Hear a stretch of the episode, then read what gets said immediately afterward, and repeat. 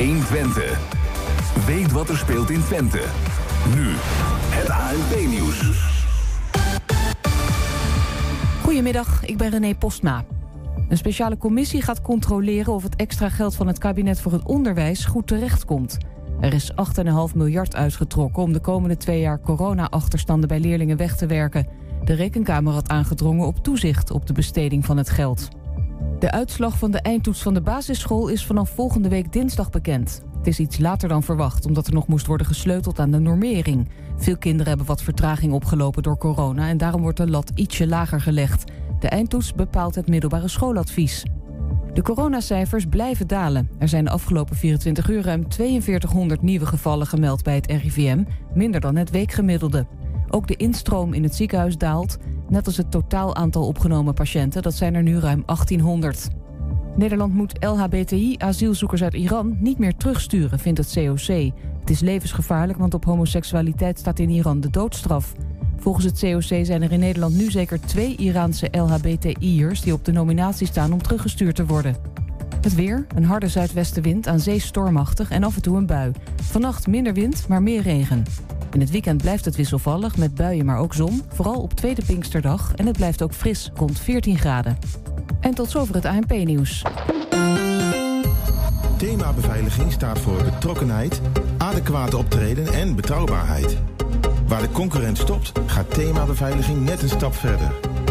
Thema beveiliging levert alle vormen van beveiliging voor zowel de zakelijke als de particuliere markt. Thema beveiliging, de beveiligingsorganisatie van het Oosten. Telefoon 053 4800 560 of stuur uw e-mail naar info@themabeveiliging.nl. Waar kan ik een APK laten uitvoeren en meteen een onderhoudsbeurt van mijn auto laten doen? Ik ga altijd naar eh, de Gebroeders van der Mei uit Enschede. Vakmanschap, passie en echte service zijn kernwaarden van Gebroeders van der Mei. Of het nu gaat om eh, APK-keuringen, reparaties, bandenopslag, totaalonderhoud, deuken verwijderen of een nieuwe trekhaak, zij regelen het voor je. Gebroeders van der Mei vind je aan de Lonnekerbrugstraat 80 in Enschede. Iedereen verlangt naar een leven zonder coronaregels. Vaccineren is hierin de belangrijkste stap. En die stap komt steeds dichterbij. Elk vaccin dat straks is goedgekeurd, is op tienduizenden mensen getest. Zo weten we zeker dat het ons goed beschermt tegen het virus. En ook veilig is. Als we ons laten vaccineren, krijgen we stapje voor stapje meer vrijheid terug. Het is begrijpelijk als je vragen hebt. Antwoorden vind je op coronavaccinatie.nl. 120. Weet wat er speelt in Twente. Iedere dag praten we hierbij over alles wat er in Twente gebeurt. Via radio, tv en online. 120. Het begint de strafschoppenreeks met Jan Vennegoor of Wesseling. En hij mist tegen Ronald Waterreus. Hofland schiet. Booth moet deze maken. Van Nistelrooy scoort. PSV 2-1 voor. De derde strafschop voor FC Twente. Door Jeroen Heubach. Een zekerheid. Scoort altijd vanaf 11 meter. Van de Wisseling kijkt toe. Heubach scoort altijd vanaf 6, 11 meter. Behalve nu. Van Bommel. 3-1. Waterheus stopte al twee strafschoppen en is hier kansloos. Als John de Jong scoort, is het 4-2. En heeft PSV de beker. John de Jong en pakt. Moet nu scoren. Polak scoort. Het staat 3-3. Maar PSV heeft nog één speler te gaan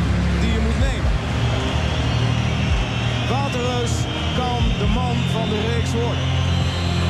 Ronald Waterreus tegen Sander Bosker. Waterreus, Bosker stopt. Bosker stopt. En dus gaat de serie door. Hulshof als eerste. Hulshof scoort. En maakt er 4-3 van voor FC Twente. Kolka, Kolka, Bosker. FC Twente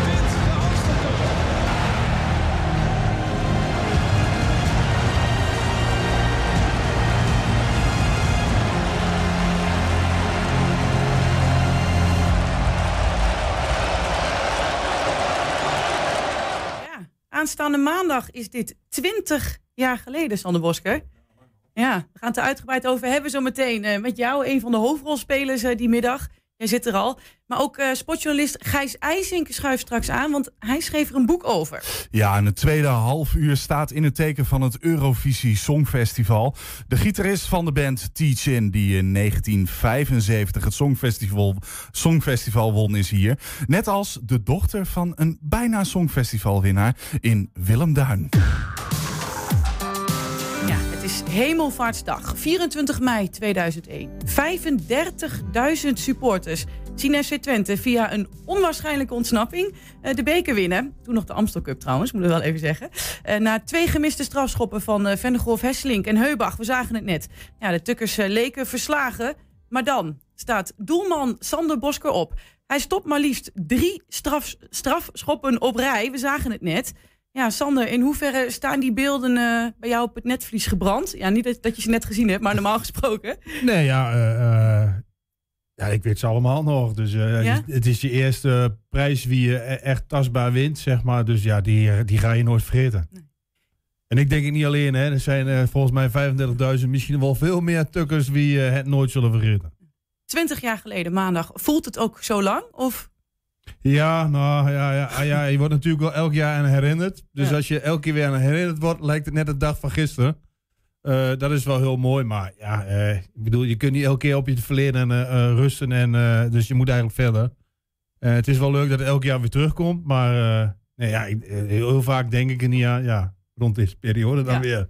Omdat ik er wordt aan geholpen te herinneren is dat dit jaar natuurlijk extremer. Jubileumjaar, eigenlijk 20 jaar. Er is ja. veel om te doen nu deze ja, dagen. Ja, ik ben al aardig druk geweest de afgelopen dagen. Eerst met, uh, met Twente natuurlijk zelf, uh, wie ik een magazine hebben uitgebracht. Ja. Uh, ja, je, je memoreerde net al Gijs IJsing. Nou, daar heb ik ook uitgebreid mee aan de keukentafel gezeten. nou ja, goed, nu, nu hier. En de RTV Oost heb ik drie kwartier mee gezeten. Dus ja, ik ben weer aardig aan trekken, aan trekken gekomen, zeg maar. Druk geweest. Ja. Je zegt al, ik weet ze allemaal nog. Kun je ook nog echt dat gevoel terughalen? Ja, wat er toen door je heen ging. Het grootste cliché uit de, uit de sportjournalistiek. maar kun je nou, het gevoel nog terughalen wat je toen had toen je daar stond? Nou ja, ja, ja ik, ik, kijk, we hadden de, al twee penalties gemist. En uh, ja, ik zal niet zeggen wat ik uh, toen dacht. Maar uh, ja, oh nee, dat was niet echt prettig, zeg maar. Maar ja, ik had me wel met mezelf afgesproken van... ik zal het toch verdikken maar wel eentje stoppen. En nou goed, ik zat bij alle penalties in de goede hoek. Alleen uh, bij die van Bommel uh, niet, want die uh, schoor hem echt de andere kant op dat ik op mijn papiertje had staan. Ja. Maar voor de rest zat ik allemaal in de goede hoek. Alleen ze waren net iets te goed geschoten, behalve die, die laatste drie natuurlijk. Ja. Daar kon ik dan wel bij. Maar, ja, maar, maar, wat me wel opviel, en dat viel me nu trouwens, trouwens pas op toen ik het net zag, dat het bijna alle, alle penalties over het standbeen werden geschoten, binnen werden geschoten. En ja, dat valt me nu eigenlijk pas op. Je toen uh, op dat moment denk je, of valt je dat niet op? Nee, nee, nee. Ja, je, je bent zo bezig met uh, van alles nog wat. En ik ben elke keer bezig met de volgende strafschoppen nemen. Uh, want ik ben altijd degene wie, zeg maar, als er dan een strafschopserie is, ik, nou, ze moeten van de middenlijn natuurlijk naar mij toe lopen. Ja, dan kijk, probeer ik ze echt in de ogen aan te kijken. of ze al wat verraden ja. waar ze eventueel de bal willen gaan schieten. En ja, zo ben ik er eigenlijk mee bezig geweest. Maar die hele dag, die hele wedstrijd. Ja, volgens mij had ik de grootste oogkleppen uh, in heel Twente op. En uh, ik was alleen maar bezig met mezelf. En ja, het heeft zich geloond. Gaan we zo nog even verder over praten wat dat allemaal teweeg heeft gebracht in de regio. Maar jij noemt net dat lijstje. Ja, je weet natuurlijk, die speler schiet vaak daar, die speler schiet ja. vaak daar. En dan ineens besluit Waterreus zelf een penalty te nemen. Ja, dat was heel vervelend in mijn hoofd. Ja. Dat, dat is, dat is uh, toch want ik keek al naar de middenlijn en ik zag niemand uh, aankomen wandelen. En uh, hij pakte de bal en legde hem neer. En toen begon het bij mij pas te zeggen, oh wacht even. hij gaat hem nemen. Ronald gaat hem nemen. En, ehm, maar goed, ik was al een, een, een, paar keer dezelfde kant op gegaan. Ik denk, ja, ga nu weer dezelfde kant op. Nou goed, ik kreeg hem op mijn, op mijn rechte elleboog. Ik was al eerst al bang dat hij zeg maar, dan in de andere hoek binnen zou vallen. Maar hij ging gelukkig over. En dat was heel prettig. Dus uh, ja, we deden weer mee. Ja. Hij had de held van de dag kunnen worden. Hield er natuurlijk ook twee tegen. Ja. Had die definitieve willen maken. Uiteindelijk ja. werd jij het. Jij werd voelde dat zo dat jij, je doet het samen. Dat is altijd zo. Dat zal ik alle voetballers Nou ja, zeggen dan. alle- alleen kan ik het niet. Dus Nee. ik heb eh, tien eh, andere jongens erbij nodig. maar je hebt zo'n prominente rol dan op dat moment in zo'n wedstrijd. Ja, maar je kunt al als keeper alleen maar shinen eh, als er een penalty-serie is. Of je, of je houdt een nul. Nou goed, die dag had ik een dag dat ik zeg maar alles pakte.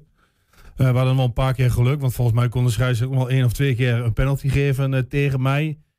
Nou, dat heeft hij niet gedaan. In de wedstrijd, ja. In de wedstrijd. En ehm, ja, daar was ik heel erg blij om. En eh, ja, goed, als het dan op penalty-series aankomt, ja... Ja, dan eh, heb, heb je als keeper zijn niks te verliezen, maar alleen maar alles te winnen. En eh, ja, goed, die dag... ja, ja, ik, er zat een engeltje bij mij op de schouder, denk ik. Niet in het begin, maar wel op het einde. En die was op tijd ingedaald. Dus wat dat betreft, nee, hij was echt, echt super. Jij zei net, ik had die dag echt oogkleppen op. Nu zijn er beelden, eh, volgens mij, door RTVO's. Die waren toen nog geloof ik met een helikopter zijn die gebracht. Ja. Want er waren, nou ja, 35.000 man trok vanuit Twente eh, richting de Kuip. Is het nou zo dat jullie toen die beelden voor de wedstrijd te zien kregen? Ja. Er staat me iets van bij. Ja, nou, wij zaten in Huis te Duin. Ik weet nog heel goed dat die helikopter aankwam. Want ik zat op het balkon, zeg maar, aan de strandkant. Want daar landt hij dus. En ik had een boekje van eh, Joep van het Hek, was ik aan het lezen. En eh, ja, toen kwam die helikopter in één keer naar beneden. Ik denk, nou ja, wie zal Dit zijn? dan? Zal wel een heel belangrijke persoon zijn. Maar toen kwam Paul, eh Paul Schabbing kwam, eh, uit, de uit de helikopter. Nou, toen begon mij te horen, ik denk, wat is dat een raar gedoe?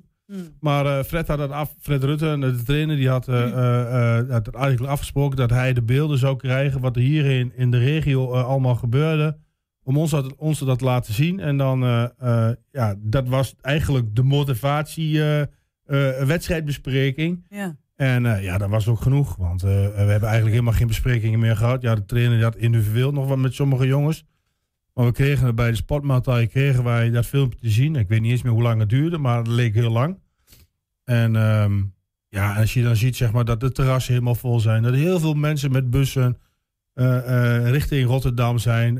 hoe, ze, hoe ze in Rotterdam allemaal bezig zijn om in het stadion te komen. Bij cafés, eh, eh, in, een, in een rode boel. Nou, mensen die eh, natuurlijk op de, op de viaducten staan. mensen uitzwaaien met de fantastische spandoeken. Ja, ja meer, meer hadden wij eigenlijk niet nodig om, om, om die prestatie neer te leggen wie we moesten neerleggen.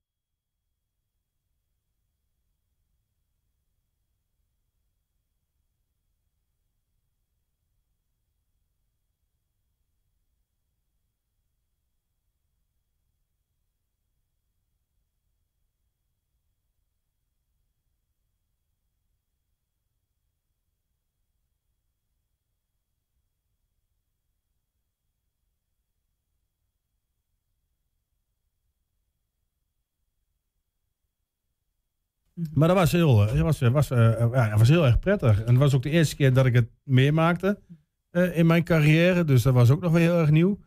Dus ja, Fred eh, was eh, de, de trainer dus. Rutte was heel veel eh, bezig met, eh, met, eh, met, met psychische dingen om eh, ons eh, zeg maar zover te krijgen dat wij eh, die dag konden presteren. En ja, goed, eh, eh, het was soms met, eh, met hangen en wurgen. Maar goed, we wisten de nul te houden. En eh, nou goed, dat is in, het begin van de, de strafschopserie het dan niet gaat zoals het eigenlijk moet gaan.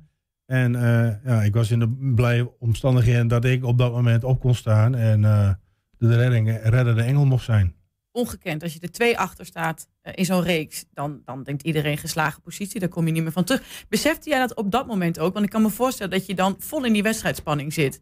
Nou ja, goed. Ik, ik, ik weet nog dat André Kannenbeek, die kwam eh, eh, om zijn penalty eh, te nemen. En nou goed, ik ken André een beetje. En André is toch soms wel eens een wilde bras.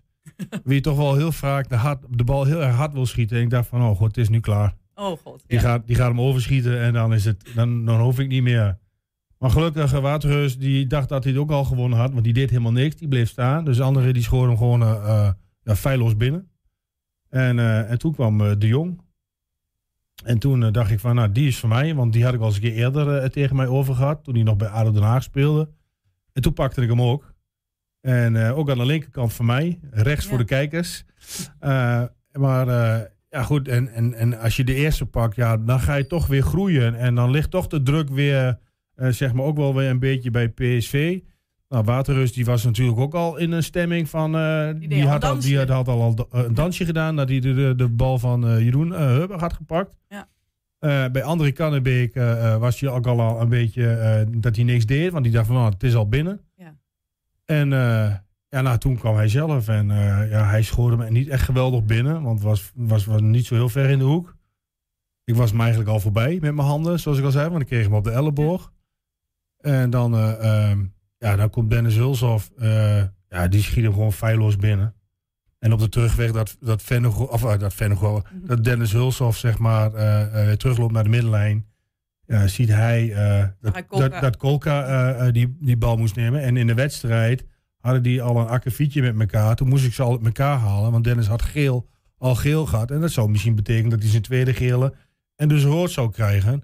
Nou, dat konden wij niet hebben, want we stonden al vol onder druk in de, in de verlenging. Nou goed, die schoor hem dus eh, eh, ja, heel makkelijk binnen, want we waren dus door naar de andere kant, zoals iedereen net kon zien. Ja. Nou, en toen kwam Kolka, die werd dus uitgescholden. En eh, ja, ik denk, nou, ik ben nu twee, drie keer naar links gegaan. Ik ga nu weer naar, naar rechts. En ja, gelukkig schoot hij mij daar, want de Kolka had ik ook niet op mijn lijst. niet Wist ik, wist ik ook niet wat ik op mijn lijstje staan. En ja, en toen ben ik eigenlijk tien, eh, tien seconden helemaal van de planeet geweest. Want ja. Ja, ik wilde, ja, ik, ik wist niet meer waar ik heen. Of moest ik naar de bank toe rennen? Moest ik naar de andere spelers toe rennen? Ja. En voordat ik het wist, had ik Joren Hubbach al eh eh, op bovenop mijn nek. Dus eh, ja, en toen, en toen kwam ik eigenlijk weer bij zinnen. En, Ja. en dat, ja, dat is echt geweldig. En zal je altijd, altijd, altijd bijblijven. Het had een aardige slalom inderdaad in die uitloop. Ja, ja, ja, ja. Jij zegt net iets interessants. Je zei ja, bij die, die strafschop, dan, toen bleef eh, Waterreus eigenlijk al een beetje zo staan. Ja van Kun je daar wat bij denken, zo van dat hij wist, dan kan ik het daarna zelf afmaken? Is, Oeh, of- ja, nou dat vind dat ik wel. Nou, dat vind ik wel heel ver gezocht. Daar durf ik niet zeg maar eh, eh, antwoord op te geven. Misschien dat hij daar eh, zelf antwoord op geeft, want ik heb begrepen dat. dat hij ook op TV Oost straks komt in het verslag wat Ja. TV Oost dan brengt. eh, ehm. Maar goed, eh, eh, ja, ik, ik weet het niet. Nee. Wat ik begrepen heb, eh, wilde niemand van PSV de vijfde penalty nemen. En toen heeft hij die verantwoordelijkheid genomen. Dus dat heb ik mee, eh, meegekregen. Maar eh, ehm, ja, waarom? Dat weet ik niet. Kijk, maar hij is ook rechtsbenig en hij schoot hem met links. Dus en hij is die links en rechts wel allebei wel bijna net zo goed. Ja. Maar hij is origine rechts, maar hij schoot met links. En ja, Nou. gelukkig eh, voor heel Twente deed hij dat. Ja, precies. Nou, laten we dan ook maar bij die lezing houden, inderdaad. Ja. Ehm, ja, een volksfeest eh barstte los. En ja, het kan, je kunt er niet omheen. Dat was natuurlijk een jaar eh, na de vuurwerkramp. Ehm, veel mensen zeggen ook wel dat het daardoor als een soort extra bevrijding voelde voor deze hele regio, deze stad, na zo'n donkere bladzijde in de geschiedenis. Ja. Ah, Voelden jullie dat als spelersgroep ook zo? Nou, ik durf niet voor iedereen eh, natuurlijk te spreken, maar voor, voor mij in ieder geval wel. Ja. Kijk, we hadden eh, niet voor niks, denk ik, eh, een heel slecht seizoen dat seizoen. We werden elfde. Eh, ehm, de ene keer was geweldig, de andere keer was minder. Daarvoor hadden we altijd wel redelijke seizoenen dat we op Europees voetbal speelden. Nou, op dat moment niet. Ja, in de beker dan. Ja. En dat was onze, ja, dat, dat was onze strohalm om het nog te halen, zeg maar. En, en toen we de halve finale wonnen, eh, hebben, hebben we daar ook vol, eh, zijn we daar vol voor gegaan. Was ook al zo'n spannende pot. Ja, klopt. Ook met penalties. Ja. Maar eh, nee, voor, ja, voor mij voelde dat echt heel eh, plezierig dat je als, als, als Twente, als, als spelersgroep, een jaar daarvoor, rond dezelfde tijd, sta je in hetzelfde stadion, als zombies zeg maar in het veld. Ja. Omdat je niet wil spelen, maar je moet spelen. Eh, en daar krijgen we, toen kregen we heel veel verwijten over. En terecht. Maar ja, ik bedoel, eh, eh, als je iets moet en je wil het niet. en, en daar staan sancties op als Ja. je het niet doet. Ja, dan wil ik toch wel eens zien hoe mensen dan in de, in, de, in de schoenen staan. Maar wij hebben dat gedaan. Ja, we moesten winnen, we speelden gelijk. We hadden geen Europees voetbal, maar dat maakte ons ook helemaal geen bal uit. Eh, want wat er hier in Enschede gebeurde was veel en veel en veel en vele malen eh, eh, erger Ja. natuurlijk. Daar kan geen potje voetbal tegenop. Maar ja, dat je dat dan weer terug kan geven, niet alleen aan de stad Twente, wat of Enschede, wat natuurlijk geweldig is.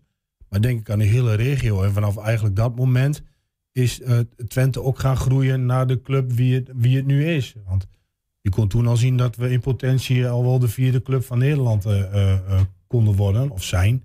En eh, goed, dat zijn we denk ik ook wel geworden na verloop van tijd.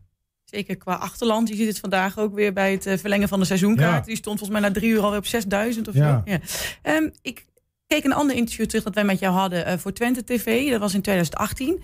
Het degradatiejaar, maar toen kwamen jullie wel tot de halve finale van de beker.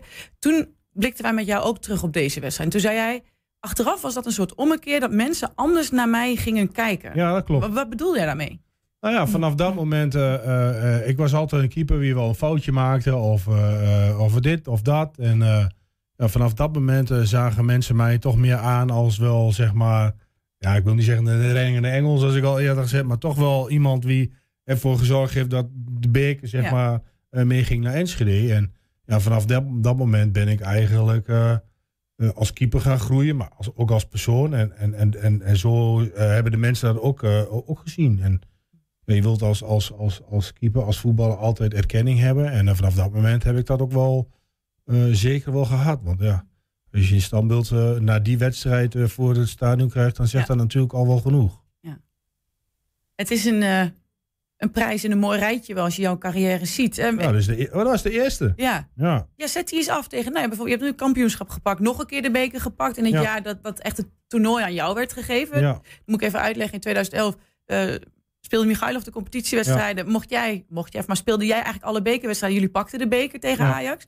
Ehm, zet deze prijs eens af tegen die. Waar staat die dan? Nou ja, goed, kijk, eh, eh, de, de, de eerste prijs is altijd natuurlijk heel speciaal. Maar goed, ja, als je, als je ehm, een kampioen wordt van Nederland met Ja. SV Twente, wat eigenlijk niemand eh, verwacht. Ja, als ik die dan afsteek tegen de beide beekwinsten, zal die nipt winnen, zeg maar, met banddikte. Nou, in 2010 werden we dus kampioen. Ik mocht mee naar het WK. Ik heb daar, eh, eh, eh, ben daar zo, eh, vice-wereldkampioen geworden. Vice-wereldmeister, zoals dat zo heet. Maar goed, daar heb ik de hele voorbereiding gemist bij Twente. En ehm ja, Michailo heeft het goed gedaan. Dus die begon als, eh, als, als basiskeeper. Nou goed, daar was ik natuurlijk niet heel erg blij om. Maar Nee. zij gaven mij het bekertoernooi. En ja, goed, in, de beker, in dat bekertoernooi ben ik ook heel erg belangrijk geweest. Volgens mij uit bij Zwolle. Eh, thuis tegen eh, eh, PSV, Ja, post en penalty penalty, serie. ja. En nog in de verlenging een hele belangrijke redding gedaan. Ook tegen Pek Zwolle trouwens. Ook een penalty serie, PSV penalty serie. Nou, belangrijk geweest tegen Utrecht, de halve finale.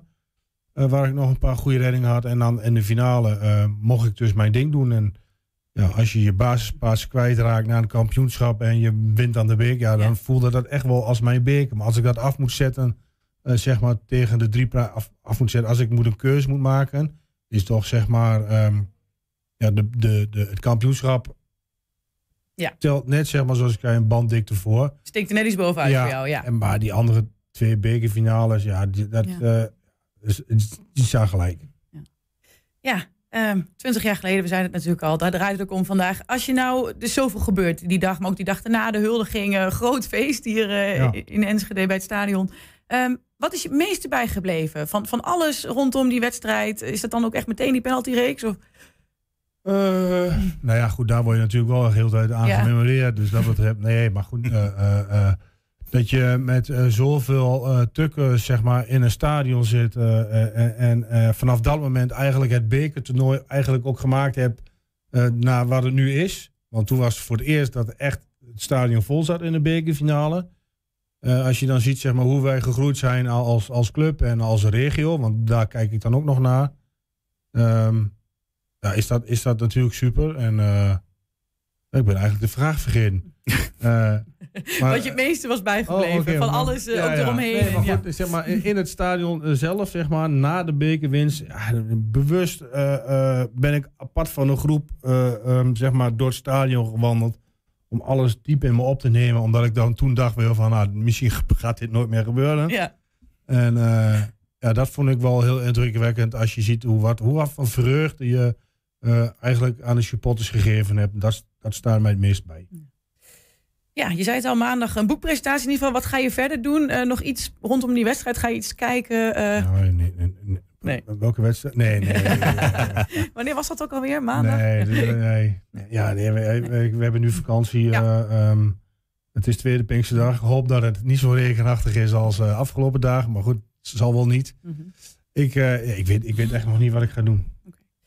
Nou, tot slot al. Ja, je zegt al, jullie hebben vakantie. hè? Ik hoorde van de trainer dat jullie al op tijd weer moeten melden. Eh, nog voor de eerste training wil Ja. je met de hele technische staf gaan Ja, zitten, Ron. Jans. Dus, eh. Ja. hey, eh, Sander, dankjewel. Graag gedaan. En eh, ja, geniet toch maandag wel eh, een beetje van nee, dat het goed. die dag is, hè? Ja, ja, maar, dat, maar dat is, die boekpresentatie eh, ja, ben ik ook heel nieuwsgierig Ja. naar. Dus ik ben ook heel benieuwd hoe het boek geworden is. En eh, Ja. ja, ik ben blij dat ik daar onderdeel van mag zijn. Maak je een mooi bruggetje voor ons, want we gaan eh, met de schrijver spreken. Sander, bedankt. Graag gedaan. Ja, want wij doen even een korte studiowissel. Ja, we gaan nog even doorpraten over de bekerwinst. Eh, dan eh, mag Sander inmiddels de studio verlaten en maken wij plaats voor Gijs IJsing. Hij noemt die finale uit 2001 een van de mooiste momenten uit zijn loopbaan als sportjournalist. En hij besloot er een boek over te schrijven.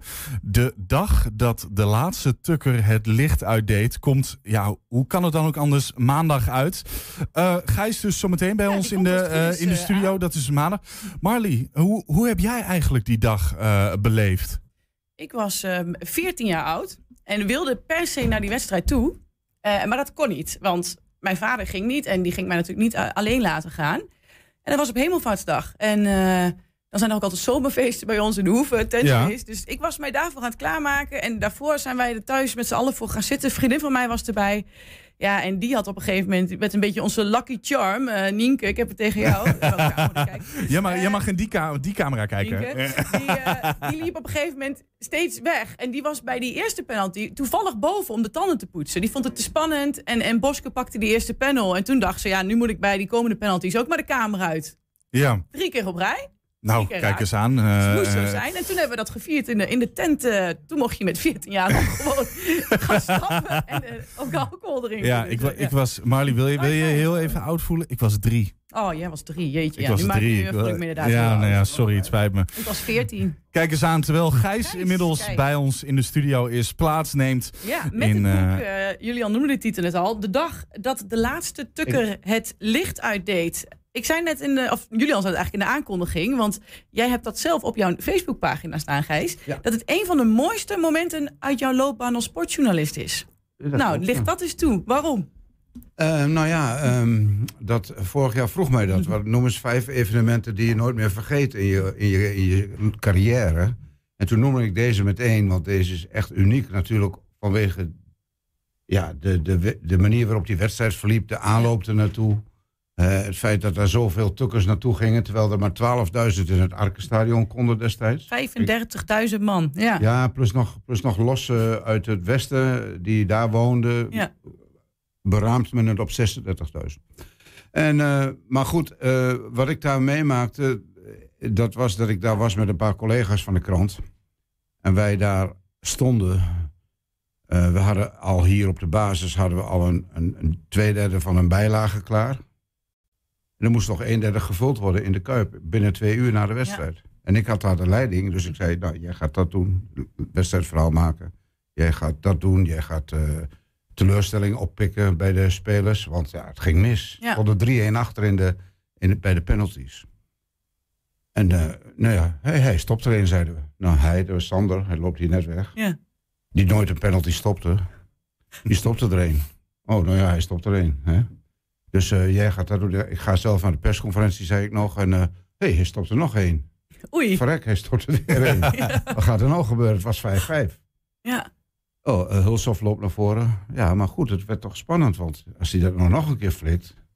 dan verandert dat de zaak. Als Ja. Hulshoff die penalty tenminste benut. Nou, die deed dat heel stoïcijns. Boom, in de hoek. Stonden ze in één keer voor, voor het eerst in die reeks. ze, Ja. ja. Dus het enige wat nog moest gebeuren... hij moest nog zo'n penalty stoppen. Verdomd, dat deed hij drie op een rij. Dat is nooit vertoond in, die, in, in een bekerfinale. Dat is echt een record. En wij, wij vlogen elkaar in de armen. Als, terwijl je, hè, dat zeggen ze, je moet natuurlijk Ik zit op die blijven. persconferentie. Die Ja. jongens van de Volkskrant zitten naast ons. En die zeiden, hé, hey, hey, tukkers, dat kan niet. maar we hebben daar vijf seconden hebben we daar even juichend gestaan. Wat nooit gebeurd is. Nee. Ik ben zelf ook altijd heel erg, eh, probeer ik neutraal te zijn. Ja. En objectief te zijn. En ehm, toen gebeurde dat even. En na vijf seconden gingen we aan het werk. Dus zelfs bij Maar jullie in één pure emotie eh, Ja. maakte dat toch wel wat ja, los. Ja, Door, door, helemaal door die gebeurtenissen. Ja. Ehm, ik zag ook in, dat, in die tekst die jij op jouw pagina staan... eh, dat je al een jaar hierop broedde. eh, en dat een vriend van jou zei... ja, een boek over één wedstrijd, kan dat wel. Maar jij besloot, ik doe het toch. Ja, het was ook coronatijd. Ja, En kijk, en ik had, ik had eigenlijk het idee... ik wil die spelers, die zijn inmiddels allemaal gestopt... en wat anders gaan doen. Ik wil ze thuis aan de keukentafel spreken. in hun En als het ja. kan, de echtgenoten erbij. Oké.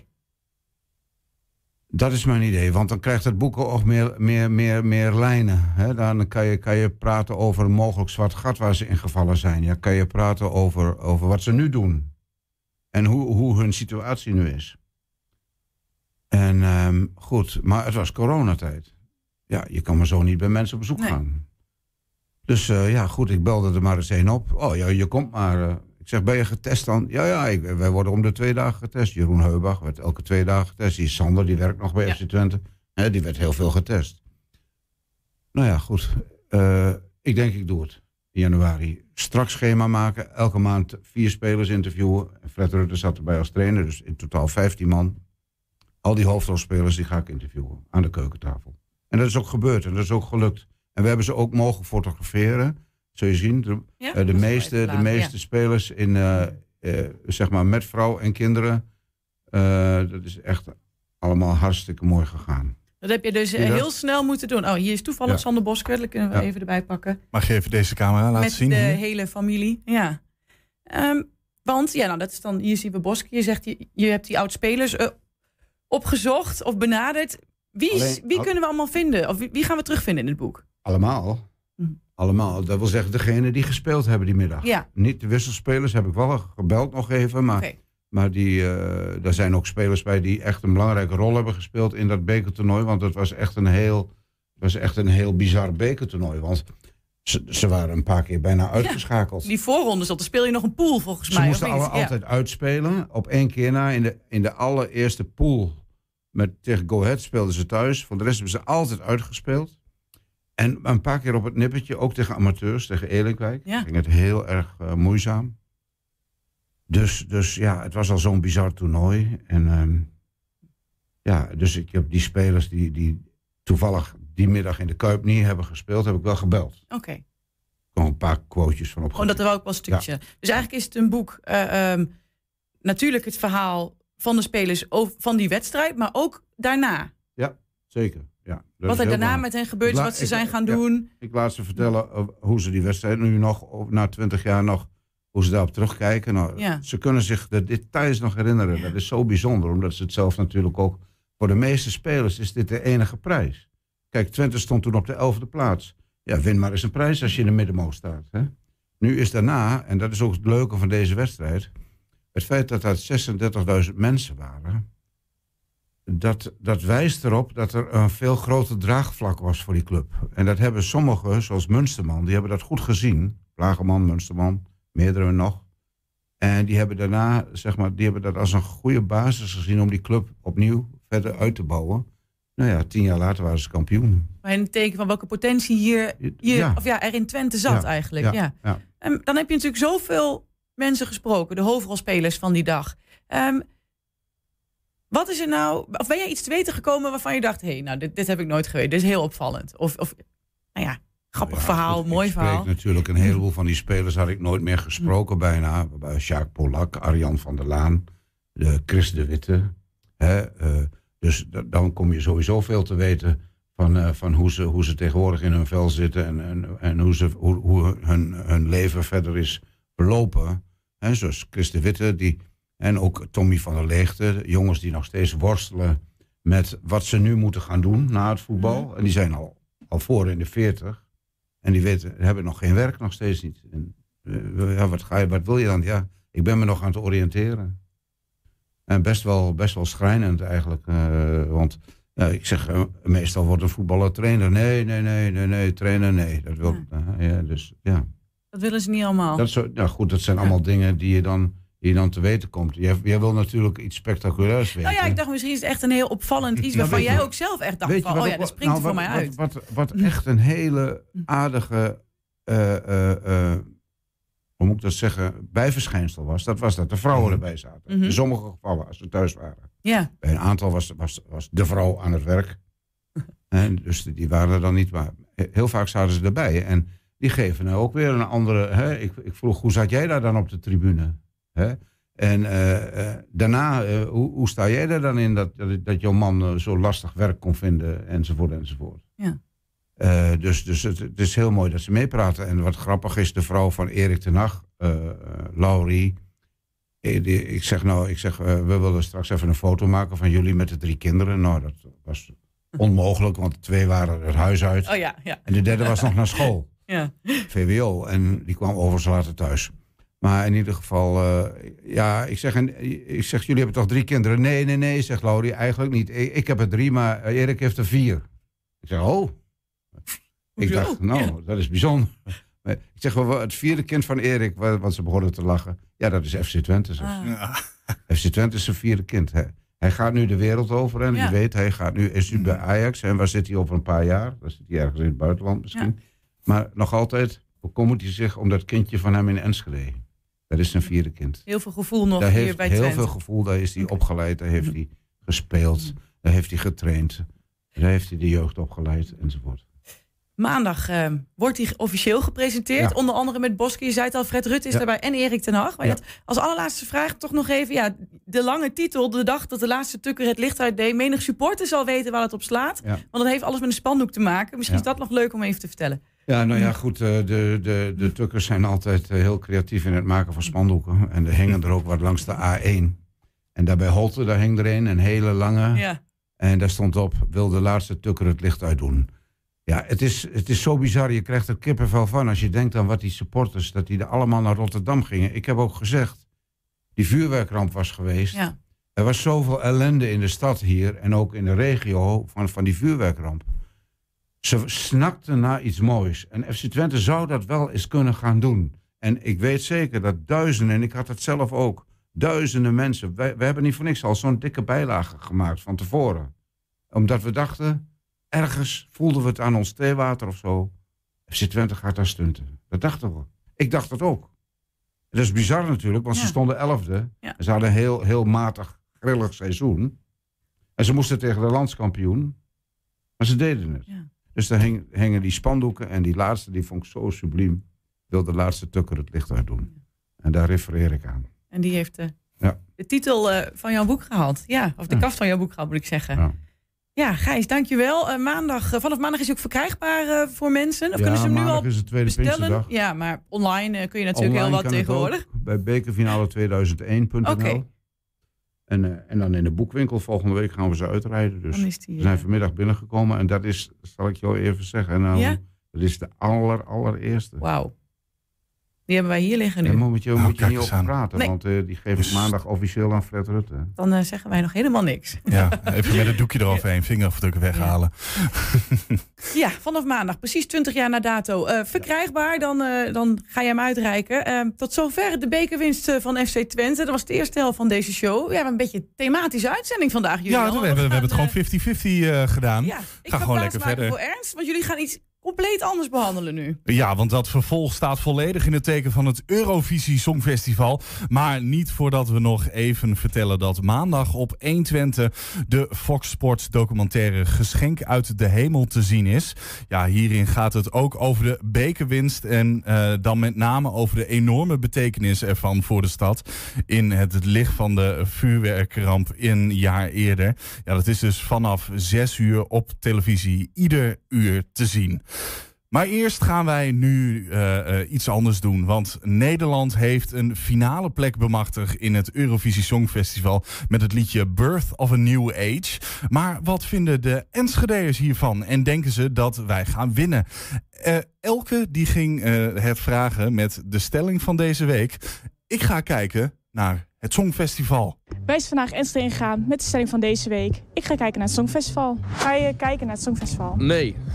Absoluut niet. Nou, ik denk echt niet. Nee, kijk niet. Ja. Nee. Misschien. Ik, mijn vrouw wel, maar ik niet, denk ik. Af en toe eens even. Uh, misschien. Zeker. Ja. Ja, zeker. Ja, traditie. Daar heb ik helemaal niks mee. Nee, eigenlijk niet. Uh, ja. Waarom? Om, ik vind dat heel erg leuk. Eurosong Festival? Ja? Ja, dat vind ik heel erg leuk om naar te kijken. Waarom vind je dat leuk?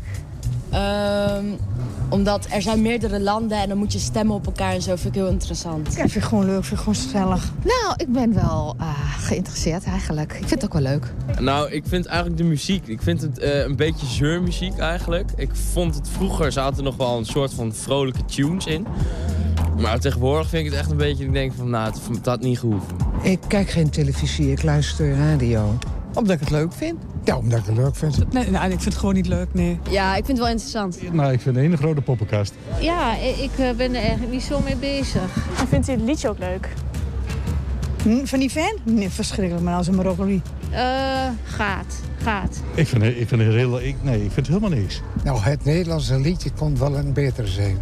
Oh, wat dan? Ik hou niet zo van dat rap en dat gedoe. Nee, ik heb nog niet geluisterd. Maar ik moet er nog wel even luisteren. Ik vind het wel een leuk liedje. Ja.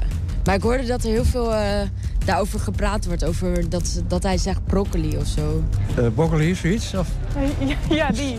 Maar die vindt u dus niet leuk. Nee, nee, een beetje slap allemaal. Ja, wel leuk. Leuk? Denkt u dat we kans gaan maken? Ik denk het niet. Twijfelachtig. Dat denk ik niet. Hij gaat, eh, dat weet ik niet. Dat weet je nooit van tevoren, hè? Geen idee. Mag niet zijn, maar ik hoop het niet. Maar wat vind je zo verschrikkelijk aan die dan? Gewoon, dat- dit is alleen maar broccoli, broccoli, broccoli, broccoli. Het is, het- ik vind het een verschrikkelijk liedje, echt waar. Broccoli, Ernst. Eh, heb, je, heb je hem al geluisterd? Ik, eh, ik, ik, ik zwijg als het graf. Ik heb, nog, ik heb nog niks over broccoli gehoord. Nou ja, laten we dan maar gewoon verder gaan. Want zometeen schuift bij ons aan Bo Duin. Jawel, de dochter van de fameuze... Ja, met de woeste baarden, lange lokken. eh, Willem Duin eigenlijk. Daar Yes. de dochter van schuift aan. Maar eerst... Maar eerst eh quizvraag. We leven halverwege de jaren 70 van de vorige eeuw. De tijd van flare jeans, brede bakkenbaarden, openvallende hemden, bloemetjesjurken, weed, acid, dolomina's en vrije seks. Nederland wint het Eurovisie Songfestival met een schattig liedje. Hoe heette dat liedje? Welke band destijds? En hoe heette de basgitarist van die band? nou kijk, de basgitarist van die band, die zit nu bij ons aan tafel. Zijn naam is John Gaasbeek. Een ras-echte. Ens en... Eh, goedemiddag. Enschedeer. Eh, ja, ras-echte Enschede. Ja, zeker. En Maar we hebben het over Dingedong, Teach-in. Teach-in. En dan inderdaad eh, John 75. Gaasbeek. 75, ja. Ja. 46 jaar geleden. John, is het lang geleden? Het is 46 jaar geleden. dus dus is het lang geleden. Word, word je er nog veel aan herinnerd? Of Ja, is het nou, ieder jaar wanneer het het is- Songfestival het is? is? Ja, het is ieder jaar natuurlijk. komen we heel veel voorbij. En vooral deze week heb ik, geloof ik, eh Tizin wel eh, twintig keer gezien. nou, net weer een op- opname die ik nog nooit gezien, terug had gezien. Avrotros. Dus als ik thuis kom, ga ik nog even terugkijken. Ik weet, weet ook niet wat gemaakt is. Of het in de studio was of op locatie, neem ik aan. Maar dat weet ik niet. Helemaal te gek. Leuk. Toch wel weer leuk. Eh, dit- Ja, deze had je dan uit teruggezien, zei zelfs. Ja. hey, maar dat, een totaal andere wereld toen. Ja, dat kun je niet vergelijken met wat, eh, wat er nou... Als ik nou naar die opname kijk, dan zit daar een orkest. Ik neem, denk het Metropoolorkest. En dat is allemaal heel rustig. Niet met dat flitsende licht wat je nu ziet. Nee. Wat bij, bij heel veel liedjes ontzettend afleidt. Bordkarton eh, decor. Ja, een, decor met veel bloemen Ja. natuurlijk. Maar wie was John Gaasbeek destijds in die Nou, tijd? hij is er nog. Ja, dat snap ik. Maar nee, nee, maar we gaan nu even, even terug in de tijd. Hè? 46 jaar Ja, terug in de ja. tijd. Wie was jij toen? Eh, ik, volgens mij was ik toen 28. En ik kwam uit, eh, ja, gewoon, ik heb altijd in, in de muziek gezeten. Ik ben vanaf mijn tiende kreeg ik pianoles, omdat mijn broer, die kon piano spelen, we hadden geen piano. En mijn pa ma komen op school, de Wilhelmina school in Hengelo, in Stork. En mijn broer zit achter de piano. Nou, die had zich dat zelf geleerd. Nou, mijn pa en ma konden geen piano kopen, werd de piano ge- eh, gehuurd in die tijd. En dus mijn broer moest op les, die moest alles afleren wat hij zichzelf geleerd had. Nou, en laten we hem dan ook maar op les doen. Ja, en, toen, en zo is het gekomen. En Want, zo ik, want ik las ergens dat jij op je zestiende in het Bulkal eh, pianist was. Ja, klopt. Maar ik, ik probeer me dat voor te... Ik wist niet eens dat Bulken zo oud was. Maar kennelijk. Ja, het Boken was, ja, dat was een, een, een, een nacht, eh, min of meer een nachtbar, zeg maar. Ja, precies. En dan mocht zat ik- jij en dan op je ik- zestiende- En dan zat ik op mijn zestiende al, ja, maar dat is ervaring hè, die opdoet. Ja, Veel dat- ervaring. ja, Ja, dat geloof ik wel. Ja, maar, maar, maar, eh, eh, Jochie van 16 in, is in, in zo'n in zo'n nachtclub. Ja. Ik, ik probeer me voor te stellen. Kwam je uit een zeg maar, woest, progressief Nee, joh. gezin? Nee, joh. Dus was er gewoon een... Ik speelde gewoon piano. ja, ze hadden een pianist nodig. En mijn broer kon niet, maar die zat er eigenlijk. Oh, Ah, dan kun je dat mooi doen. Ja. Maar goed, dat je, dan doe je wel heel veel muziekervaring op. Ja, dat, dat zal wel. Hey, en, en, en, maar, en eigenlijk ben je zo in die, in die Turk, de, de, de Turkerse Enschedeze muziekscene eh, beland. Hoe zag die scene, gewoon even voor ons, hè, voor een beeld. Want de meeste van ons hebben dat natuurlijk nooit meegemaakt. Maar er was best een levendige Enschedeze muziekscene in die tijd. Hoe zag daar dat zat ik? Daar zat ik dus niet Daar bij. zat je niet in? Oh, nee, ja. omdat ik zat in de amusementsmuziek. Ja. En toen bestond het woord popmuziek volgens mij nog niet, als ik het goed heb. En ik vond de Beatles verschrikkelijk. Kan me nog herinneren. Ja, dat is, jij bent later bekeerd, geloof ik. Hè? Ja, ik ben helemaal bekeerd. Ja. Nou. En, maar goed, ik, ik kwam dus uit de amusementsmuziek. En, en, en, eh, en ik heb het vak gewoon geleerd. Ik, eh, ik kreeg pianoles natuurlijk. Ik heb, eh, piano, ik heb leren lezen en, en noem maar op. En, en, en, en in, ik kwam toen in een bandje terecht voor 15 gulden. Mocht ik ook meedoen. en muziek, nee joh, luister maar en speel maar mee. Ja, zo leer je dat. Ja. En wat ik, ik las ergens dat jij eh, popmuziek, eh, is een soort van, eh, dat is een, een late roeping geworden, hè? Ja, dat kun je wel zeggen. Maar, maar wel een roeping. Ja, ook. Ja, duidelijk. Want Ja. Toen, kwam, toen ik bij Ties kwam, toen kwam ik in die andere muziek terecht. Ja.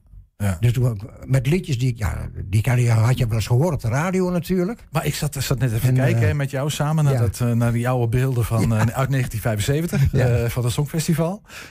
Jonge vent met een baard en joh. zingen in die microfoon. Maar dan ben je toch verdorie net op tijd aangehaakt daarbij. Ja, vind je niet? TJ. Vind je niet? Je bedoel, had heel anders kunnen lopen. Ik heb er ook helemaal geen spijt van hoor, echt niet. Nee, daar kan ik me iets bij voorstellen. Nee, joh. Hey, maar dan, dan win je met, met, met zo'n club het Songfestival. Dat is een ding. Hè? Dat, bedoel, er zijn er niet zo heel veel die je dat na kunnen zeggen. Nee. En wat, en wat, dat wat, wat, wat, wat, gebeurt, hoe, wat gebeurt er dan? Dat was ook een andere Nou tijd ja, natuurlijk. eh, Maar... toen, toen, toen bestond eh, de platenmaatschappij CNR nog. En eh, toen werden wij, we hadden al drie platen. Ticen had er voordat ik erbij kwam al platen gemaakt.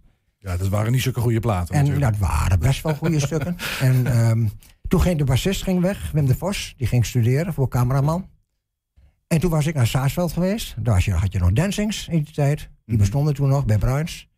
En daar zag ik Ticent optreden. Samen met Gertie. Gertie was mijn vriendin. En zodoende kwam ik bij die band, want Wim ging weg. En ik speelde basgitaar. En even voor, de, en zo voor, is het de, begonnen. even voor de kijkers en luisteraars. Gertie, dat was jouw vriendin. Was mijn vriendin. Maar dat was ook de zangeres van Dingedong. Dat was zangeres, van werd de Ties. zangeres in, in? Ja, Klopt, want daar zat een andere zangeres in. Ja. En die mocht niet van haar Dus eigenlijk moeder. een soort, Dus ja. je hebt eigenlijk een soort koep gepleegd. Ja. En daarmee het Songfestival gewonnen.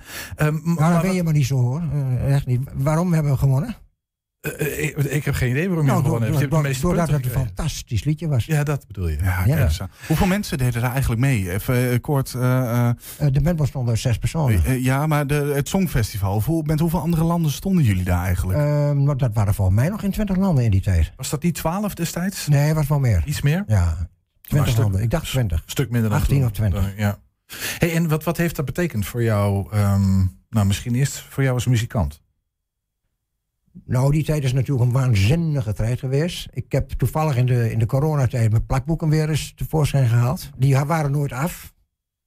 Maar daar had ik toen geen tijd voor. Dus ik had kisten voor met eh, stories en kranten en noem maar op allemaal.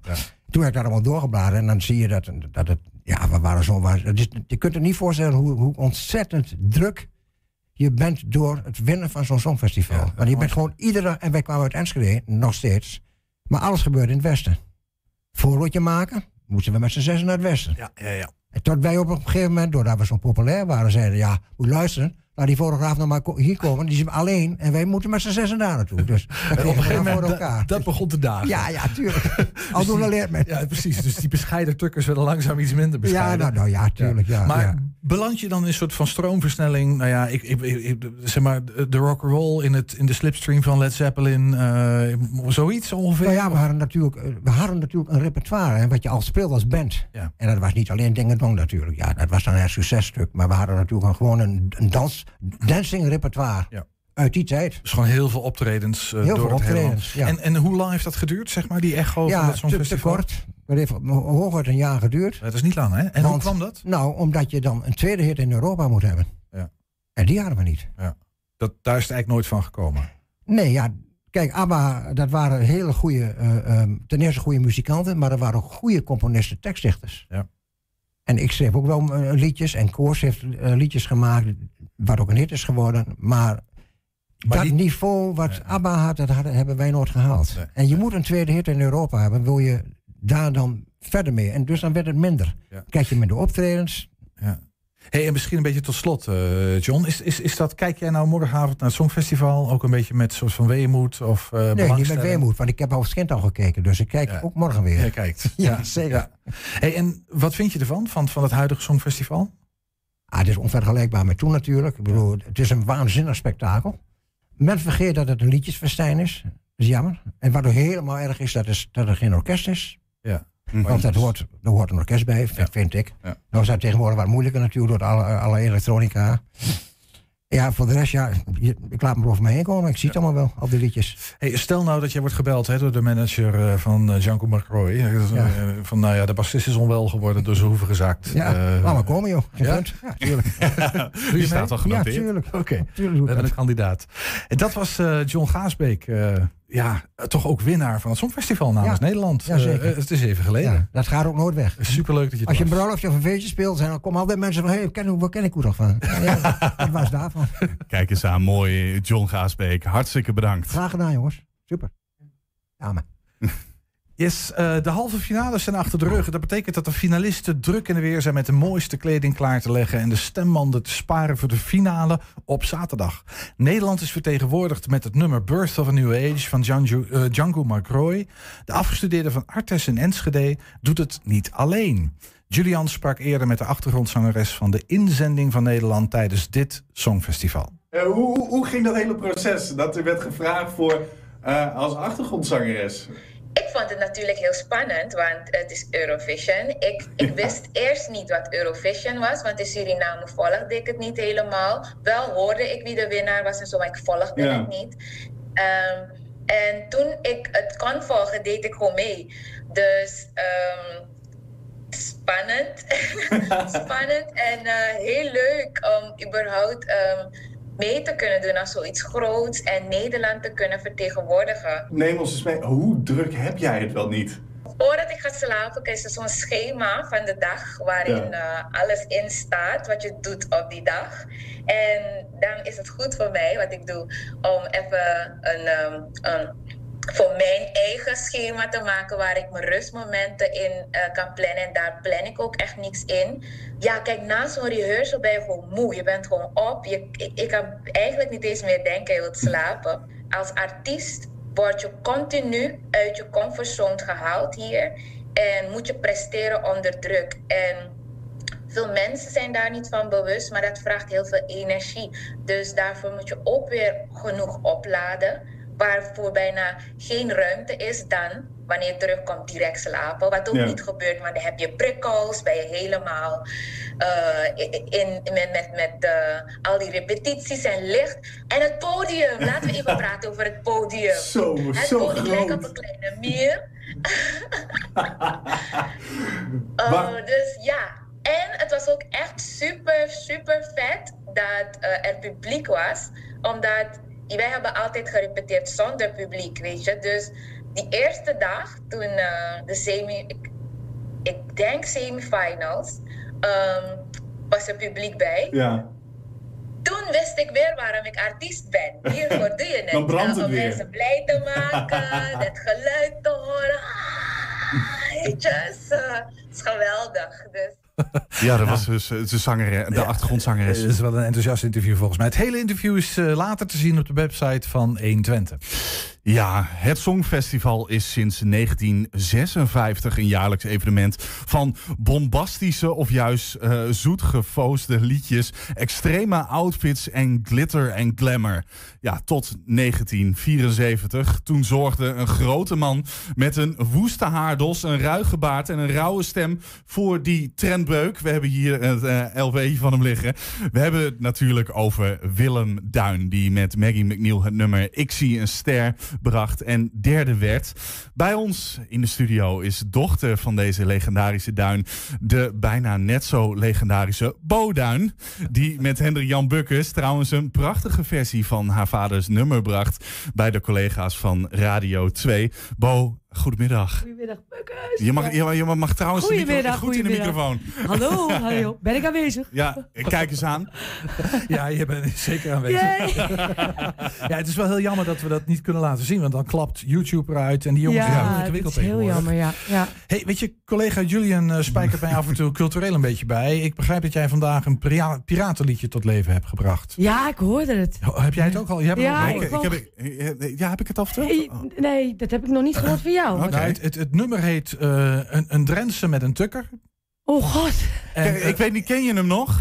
Dat, is- het nummer gaat namelijk van... Ik kom uit Emmeren, Kompas en ik uit Enschede. Goeiedag, wat heb jij een lange rit gehad of niet? Ja, echt hè. Ja, ja. Maar wel een leuke rit. Ja, dat, Altijd dat, een dat genot om hierheen te rijden. Ja, waar. want jij, want jij komt hier vandaan, hè?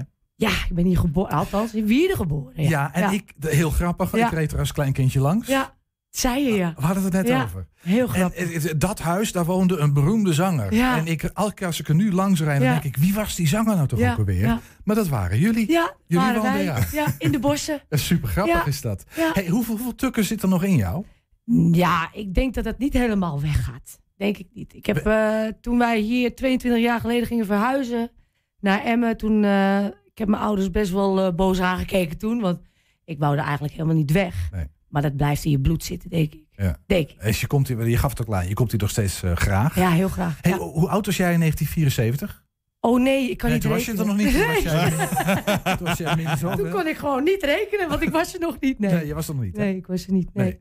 Maar ehm, eh, de- de- op, op zich, je hebt natuurlijk herinneringen aan, nou ja, aan, aan Ik zie een ster en eh, Ja, alles wat daaruit voort, voortgekomen is. Zeker? Ja. zeker als klein kind. Ik bedoel, dat Was je ermee doodgegooid? Nou, wel. Als wij ergens in de stad liepen, was het van... eh, ik zie een ster, weet je wel. Altijd. Niet, ja. niet die grote handen? Nee, nee, nee. Ja, ook. Ook. Ja. Toen had hij ook een hit natuurlijk. Ja, en, Ja. En, en met, het, met het nummer Willem, Ja. eh, dat, dat nummer dus, Ja. die Ernst trouwens nu inmiddels al twee dagen in zijn hoofd heeft, omdat Ja, ik het heb gezongen voor hem. Leuk feitje tussendoor. Ja, heel leuk. Ja. Ja, absoluut zo. Hey, ehm, wat heeft dat nummer, eh, want dat winnen van een, van een song, tenminste het derde plaats songfestival, Ja. het is natuurlijk niet winnen, maar, maar toch een hele... Nou, verliezen van ABBA. Hè? Dat vind ik toch wel winnen. Ja, dus eigenlijk winnen. Ja, daar, kan, Ja. daar kan- ja, daar heb je gelijk in. Ja. Wat heeft het voor je vader betekend? Weet jij dat nog? Ja, dat, jij Ik- was heel jong. Ja, ik zou het... Ja, ik denk wel heel iets moois en prachtig. En wat John net ook zei, die ken ik toevallig. Nou, dat... Maar dat mag je even toelichten, want dat is te leuk om niet te Ja, vermelden. nou, John, dat, eh, die gaat eh, sinds een jaartje met mijn moeder. ja, dus die Het is, het is gewoon één groot songfestival ja, bij het is jullie één songfestival, bom hier. Maar, Ja. maar, maar als, je, als je het over dat Songfestival... Ik zei het ook al in mijn aankondiging.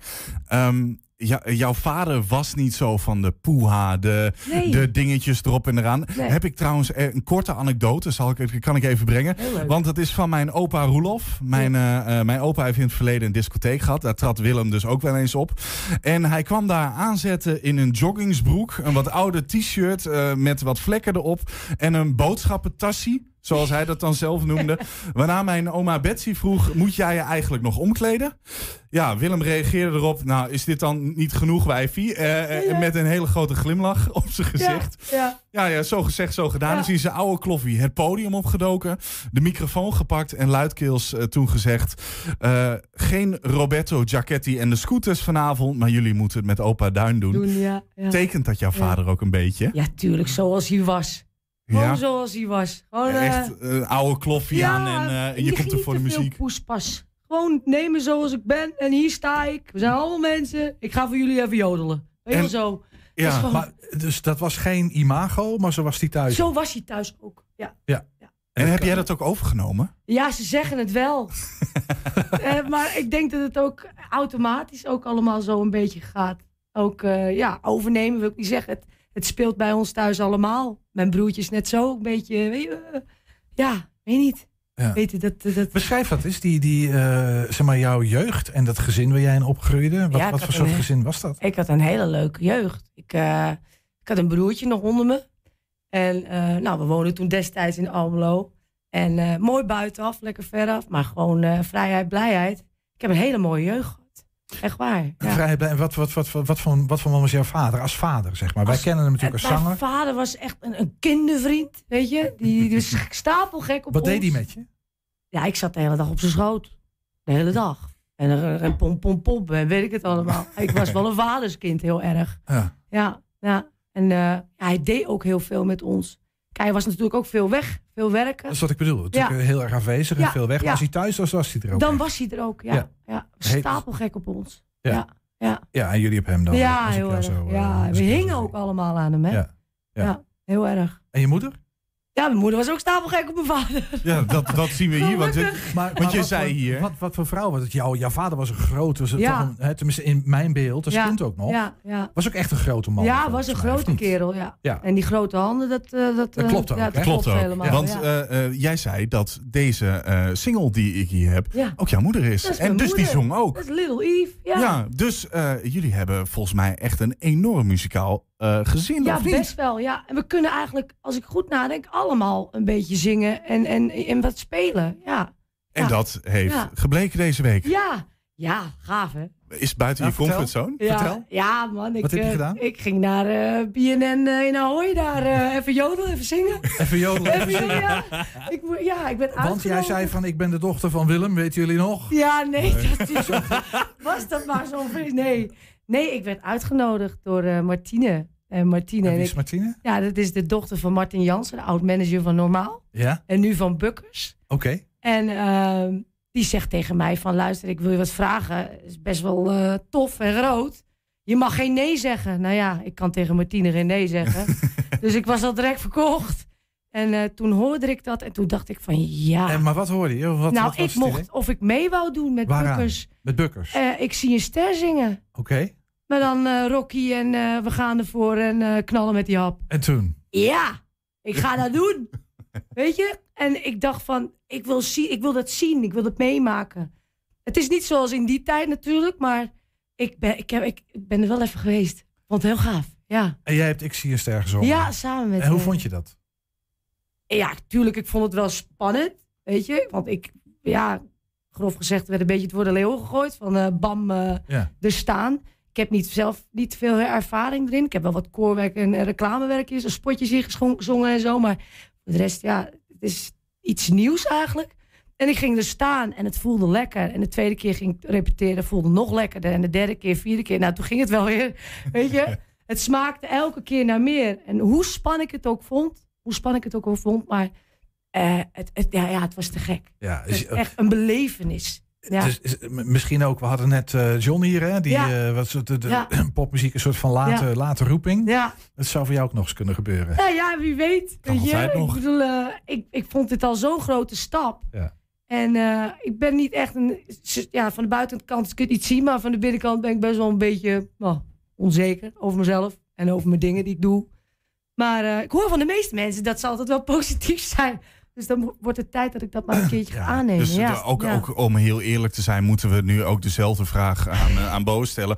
Mocht er een achtergrondzangeres naast eh, eh, Amelie eh, in elkaar zakken, eh, uiteindelijk wel goed terechtkomen, kunnen ze je bellen? Ja hoor. Bo Duinen, tot je service. Ja, ja, ja. Nee, Maar- dat ga ik doen. Maar nog heel even over dat nummer. Want ehm, ja, ik, ik begrijp dat toen jouw vader overleed, dat ook op het grafsteen eh, Ik zie een ster is gebeiteld. Nou, niet op het grafsteen, Of, eh, want hij is gecremeerd. of maar op- op, de kaart stond. Ja, op de kaart. Ja, ja. Eh, wat betekent die tekst, eh, het, het liedje, maar ook gewoon de, de, de zin van Ik zie een ster, wat betekent dat voor jou het- op een persoonlijk niveau? Ja, dat, die ster is hij. Ja. Ik heb, toen ik thuis kwam, dat liedje had gedaan, kreeg ik ook heel veel mensen van, ik zag een ster, weet je, gingen ze allemaal van die mooie teksten. Maar die ster, hij is onze ster. Ja, dat is ook altijd geweest, dat hebben we ook altijd gezegd. Iedere dag nog voor jou? Elke dag. Ik denk dat ik elke ochtend wel opsta en dan denk ik aan hem, die, gaat, die staat ermee op en gaat mee naar bed. Maar ik denk dat het voor iedereen wel zo geldt. Weet je, het is gewoon vreselijk als je zo iemand moet verliezen. Het is gewoon, Ja. Hoe, hoe, mag je niet zeggen. nee. nee, maar ik snap wat je Ja, wil zeggen. Volgens mij, gevoel, ja. ja, snap ik. Hoe lang geleden is hij overleden? Is nou 17 jaar geleden. Ja. Ja. En toch nog elke dag. eh, Ja, elke dag. Je wordt er ook elke dag mee geconfronteerd. En weet je, vooral als, je, als ik even naar mijn moeder ga. Het huis staat ook al 17 jaar. Hij was altijd het klussen thuis. Nou, dat staat ook al 17 jaar stil. Dus je komt daar binnen en het is direct van ja, pa. Want jouw moeder woont nog steeds in, in Almelo? nog steeds in. Nee, in Roswinkel woont. Oh, oké. Ja, maar ja. het plekje waar jouw vader is overleden ook, zeg maar. Ja, De- de- dat is het was hij ouderlijk samen? huis. Ja, ja, ja. oké. Ja. Hey, ga jij kijken morgenavond? Ja, natuurlijk. Ja. Ja, dat ga ik met mijn moeder doen. Het Oh. hele zootje. Dan gaan we lachen. John erbij. Ja, John erbij. Nee, die, die kan niet volgens mij, maar dat maakt niet uit. Jongen, jongen, Ja, jongen. ja, het is een... Daar moeten we nog maar even over praten Ja, na de uitzending. stiert alles, die man. Nee. Heel leuk dat je er was, Bo. Ja, joh, top. Even wat herinneringen ophalen. Ja. En eh, misschien een vooruitblik naar de toekomst. Ik ben heel benieuwd wat die gaat Lijkt me echt helemaal vet. Bukkers luisteren, deze Ja. dame wil meer. Bukkers! Helemaal top. Dan eh, zijn we bijna bij het einde aangekomen. We nemen afscheid van Bo. Maar we zeggen hallo tegen de columnist Bart Petersweem. Die volgens mij in de gang ergens staat. wel, Als ik dat zo gok. Ehm, en eh, hier binnenkomt. Dan eh, gaan we even een korte studiowissel doen. Dan bedanken wij Bo. Dankjewel. Doeg, Bo. En dan Leuk la- dat je er was. Leuk mens. langzaam richting het. Mag, eh, mag Ernst anders ook wel heel eventjes doen. Dan eh, praat ik even de tijd vol. Lang, na het spreken. gestoelte, gestalte, eh, loopt eh, Bart Petersveen. Terwijl de microfoon en de, plo- de plopkap nog even schoongemaakt wordt. Alles hier eh, corona-vrij wordt gemaakt. Ik doe nog steeds, ja, misschien is het een beetje meer voor show. Ik doe nog steeds een beetje mijn best. Dat ik toch denk van. eh, Ja, wij- als- wij als ook, het op wij ook, maar, staat, dan, eh, ja, maakt is het bewijsmateriaal. Dan moet je het, het, het is in je het te eh, Ja. het is in je te prijs, eh, Zo, Bart. Kijk, nou. Hey, welkom. Fijn dat je er weer bent. Ja, het is, Ja, eh, jullie lopen weer lekker uit Ja, vandaag. we zijn lekker uitgelopen. Ja, Dus, kunnen we net zo goed gewoon. Ik, ik, ik ga heb- je kijken morgen? Ik heb er nauwelijks aandelen gehad hoor vandaag. Ik weet het nog niet. Ik Je niet of weet het nog niet? kijken. Nee, nee. En want, eh, want ik ben alleen thuis. Want mijn vriendin die is, eh, die is bij de familie. Dus dan, en dan is Kun je het toch anders. kijken, toch? Ja, misschien wel. Kun je, kun je, je- je- we hebben het net van, van John gehoord. Het is een, het is een plaatjesparade. Dus eh, eigenlijk een soort van online festival. Dus als we het zo verkopen. Stiekem kijken naar het Songfestival. Dan Ja, ben je heel diep gezonken hoor. het spijt me. Volgens mij, eh, meneer Peters Weem, zou u zo vriendelijk willen zijn... Ik zal de het, eh, column tot slot van deze prachtige week... in aanloop naar een Pinksterweekend... Ook nog. de column van deze week uit te spreken. Beste luisteraar. Gisteravond, het ging er al over, was de voorronde van het Songfestival. En daar heb ik, zonder dat dit mijn plan was, het een en ander van gezien. Ik kwam thuis toen mijn vriendin ernaar keek en ik moet u iets vertellen over mezelf. Als ik ergens ben en er staat een scherm aan, dan ga ik er meestal vanzelf naar kijken. Zo staat bij mijn schoonouders nog wel eens een Britse detective op als we binnenkomen. En voor ik het weet hoor ik het niet meer als me wordt gevraagd hoe het met me is, omdat ik me afvraag wie de moord heeft gepleegd. Maar dit was dus geen Britse detective, maar de voorronde van het Eurovisie Songfestival. Op dat moment waren er wat fragmenten met gepraat bezig. En terwijl ik naast mijn vriendin die op de bank zit sta, hoor ik haar zeggen: Jongen, die is dik geworden, dan heb je gewonnen, kun je daarna lekker eten. Het mooiste was denk ik de toon van jaloezie. En toen begon er een liedje waarop mijn vriendin zegt: Moet je die jurk zien? En ik zeg: Nou, dat is toch niet heel mooi gezongen. En voor ik het wist, heb ik de hele avond met mijn vriendin op de bank commentaar lopen leveren op het Songfestival. En ik zeg u: Het was heerlijk. Daar zaten we dan, terwijl de coronapandemie verder gaat, het Midden-Oosten nog nasmult van bombardementen, het weer een drama is en onze burgemeester weggaat, zitten wij met z'n tweeën rustig te kijken naar, het, naar een zangorgie van decors, glitters en choreo's, waarop wij lekker commentaar kunnen leveren. Het voelt een beetje als een voetbalwedstrijd, alleen dan zonder de hooligans. Althans, zijn er bij mijn weten nog geen Songfestival hooligans. Maar wat weet ik, misschien is er ook wel een soort vak P in Ahoy. Wat nou, douze point. Kijk dan de beelden terug. Wat een homo is die jury. En dat is dan vaak ook zo. Maar ik zit dus te kijken en zeg tegen mijn vriendin... joh, wat tocht er daar? Nee, zegt ze, dat is de windmachine. Maar dan blaas je toch alle corona rond? Nee, zegt ze, iedereen is daar getest. Er is ook publiek bij, verrek zeg. Sterker nog, vrienden van mij, die zaten ook in de zaal. Al heb ik ze nog niet gesproken, dus het kan zijn... dat ze door die windmachine hartstikke ziek zijn geworden. Maar dan is het dat waarschijnlijk waard geweest. Een dampende zaal vol met joelende mensen. Wat zalig om te zien. Wat een spektakel. Er kwam op een gegeven moment zand uit het plafond. Als dat bij mij thuis gebeurt, dan ren ik bang naar buiten. Maar bij het Songfestival zingen ze er een liedje over. Fantastisch. Ook hoor je nog eens liedjes in een andere taal. Een Frans lied. Prachtig. Ik versta er geen zak van. Mijn Frans komt niet verder dan Je suis un croissant. Waarop ik dan door de bakken word uitgelachen. Maar dus soms daar geen Engelstalig liedje. Nou, wat een verademing. Want laten we eerlijk zijn. Er wordt zoveel in het Engels gezongen. Daar zijn de teksten gewoon van op. Dat rijmen is meestal het niveau sinds zat te denken wat hij kon schenken. Doe mij maar liedjes in hun eigen taal. Dan kan ik alvast wennen voor als we straks in Europa weer allemaal met elkaar kunnen knuffelen. En dat we allemaal in onze eigen taal kunnen zeggen: Moet je die jurk zien? En noemen ze dat muziek? Of ik kan er geen klap klap van verstaan. Maar mon dieu, wat is het mooi. Dat was de column van Bart Petersweem. Ja, en dit was hem dus voor vandaag. Onze 50-50 special mag je het wel noemen. Songfestival en FC Twente. Ja, terugkijken kan direct via 120.nl. En vanavond om 8 en 10 uur zijn we ook op televisie te zien. Yes, op eerste pin King- Pinksterdag kan je kijken naar de registratie van de theaterproductie Stork op ons tv-kanaal. Om 6, 8 en 10 uur s'avonds. En maandag, tweede Pinksterdag, brengen we de Fox Sports documentaire Geschenk uit de Hemel. Over die bekerwinst van FC Twente in 2001. Eén jaar na de vuurwerkramp. Vanaf eh 6 uur s'avonds is dat dus ieder uur bij ons eh, op 120 te zien. Heb jij nog tips voor de redactie? Meld ze dan via info.120.nl. En dit was 120 vandaag. Wij wensen u goede Pinksterdagen. En wij zijn er maandag niet, maar we zien u dan dinsdag weer. Tot dinsdag. En dan, dan- gaan we nu eh, heel eventjes eh, door. Want Ernst? Oh, we moeten even doorbabbelen. Ja, we gaan, we gaan Oh, gewoon heel even het, door. eh, Eh, de- een soort van 120 after dark. Julian, ik weet je, ik, ik moest net, eh, dus eh, ja, Bart.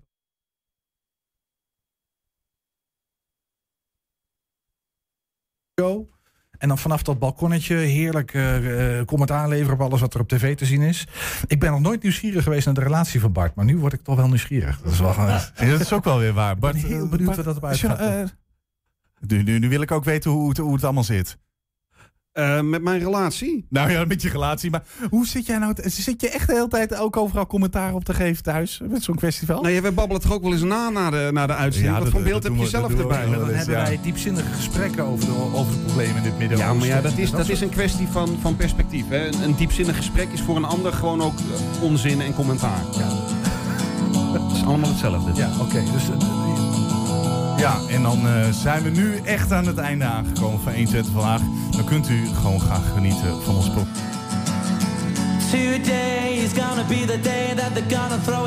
you.